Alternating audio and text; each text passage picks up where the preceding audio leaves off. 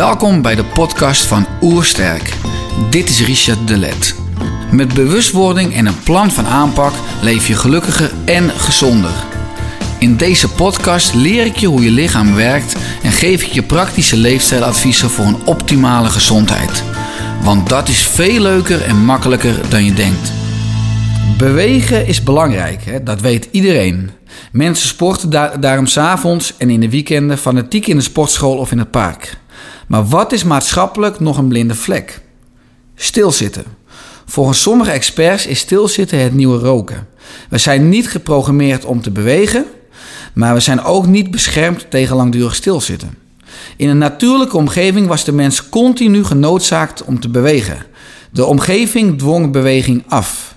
Wat zijn natuurlijke beweegprikkels? Honger, dorst, koude, nieuwsgierigheid en veiligheid. Tegenwoordig zijn deze prikkels helaas niet meer aanwezig. Sinds de industriële revolutie hebben machines de spierkracht overgenomen. Door het digitale tijdperk is er steeds meer comfort gekomen en is alle beweging drastisch ingeperkt. De noodzaak is verdwenen en de vrije wil blijft. Maar kun je wel op je vrije wil en wilskracht vertrouwen?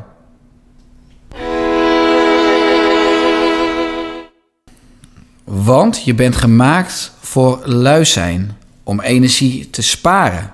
In je genen zit de regel verankerd: bewegen als het moet en als het kan, blijf dan zitten. Dit energiebesparend gedrag was een voordeel in een omgeving waar schaarste was. De oorspronkelijke omgeving voor het ontstaan van de landbouw, veeteelt en het industriële tijdperk.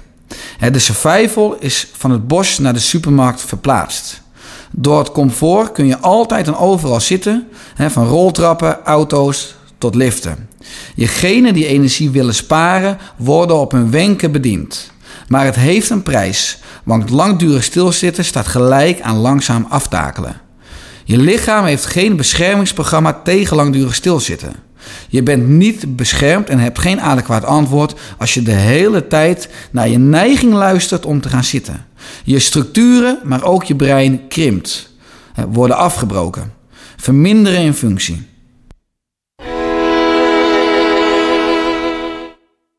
Dus de revolutie ligt in het kennen van deze evolutionaire zwakke plekken.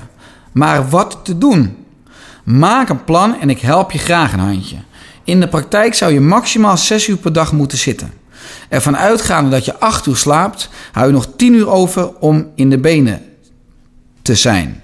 Zorg vooral dat je ergens plezier in hebt, want dat is de enige manier om het vol te houden. Als je regelmatig even gaat staan op je werk, is de gezondheidswinst even groot als drie avonden per week in de sportschool sporten.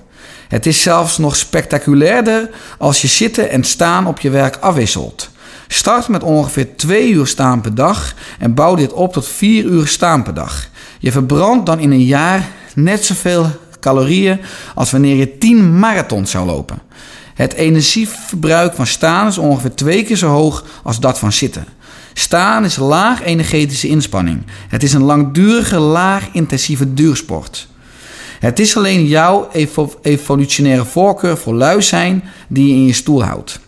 In plaats van dat we een maatschappij hebben gecreëerd die juist tot bewegen stimuleert, heeft het tegenovergestelde plaatsgevonden. De noodzaak tot beweging in de woon, werk en maatschappelijke omgeving is steeds verder geminimaliseerd. Met al het comfort word je dus steeds zwakker. Want terwijl je zit of ergens wandelt, doen andere verleidingen zich voor.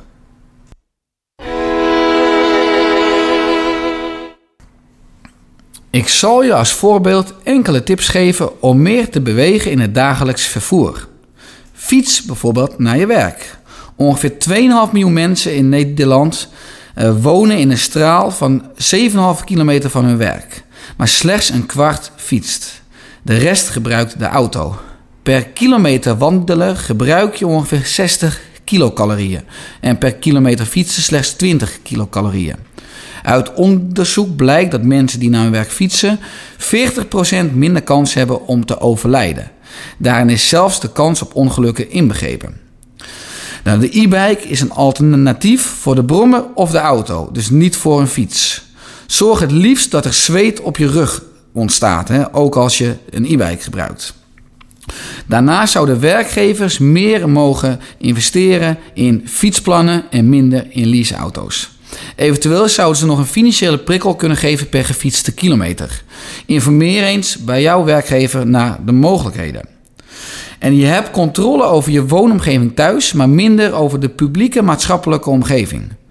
Nou, een groene omgeving zorgt ervoor dat we vaker en meer buiten zijn.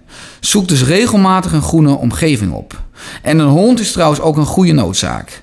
Dus ga vaker met een hond naar buiten. En heb je geen hond, leen dan vaker de hond van je buren.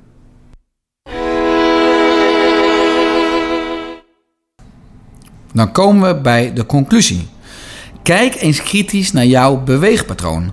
Hoeveel uur per week zit jij stil? Of begin bij een dag, hoeveel uur per dag zit jij stil? Maak een beweegplan en zorg ervoor dat je vandaag een half uur minder zit. Of zet de radio aan en doe een dansje.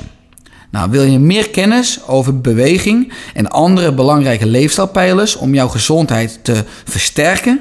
Nou, dan is mijn oersterk programma Gezond, Fit en Slank in 10 weken iets voor jou. Ga naar www.oersterkprogramma.nl voor alle informatie. Dit was een podcast van Oersterk. Ga naar www.oersterk.nu als je meer informatie wilt of mijn gratis driedelige videoserie over voeding, beweging en ontspanning wilt ontvangen. Is je lijf je lief? Leef dan preventief. Graag tot een volgende podcast.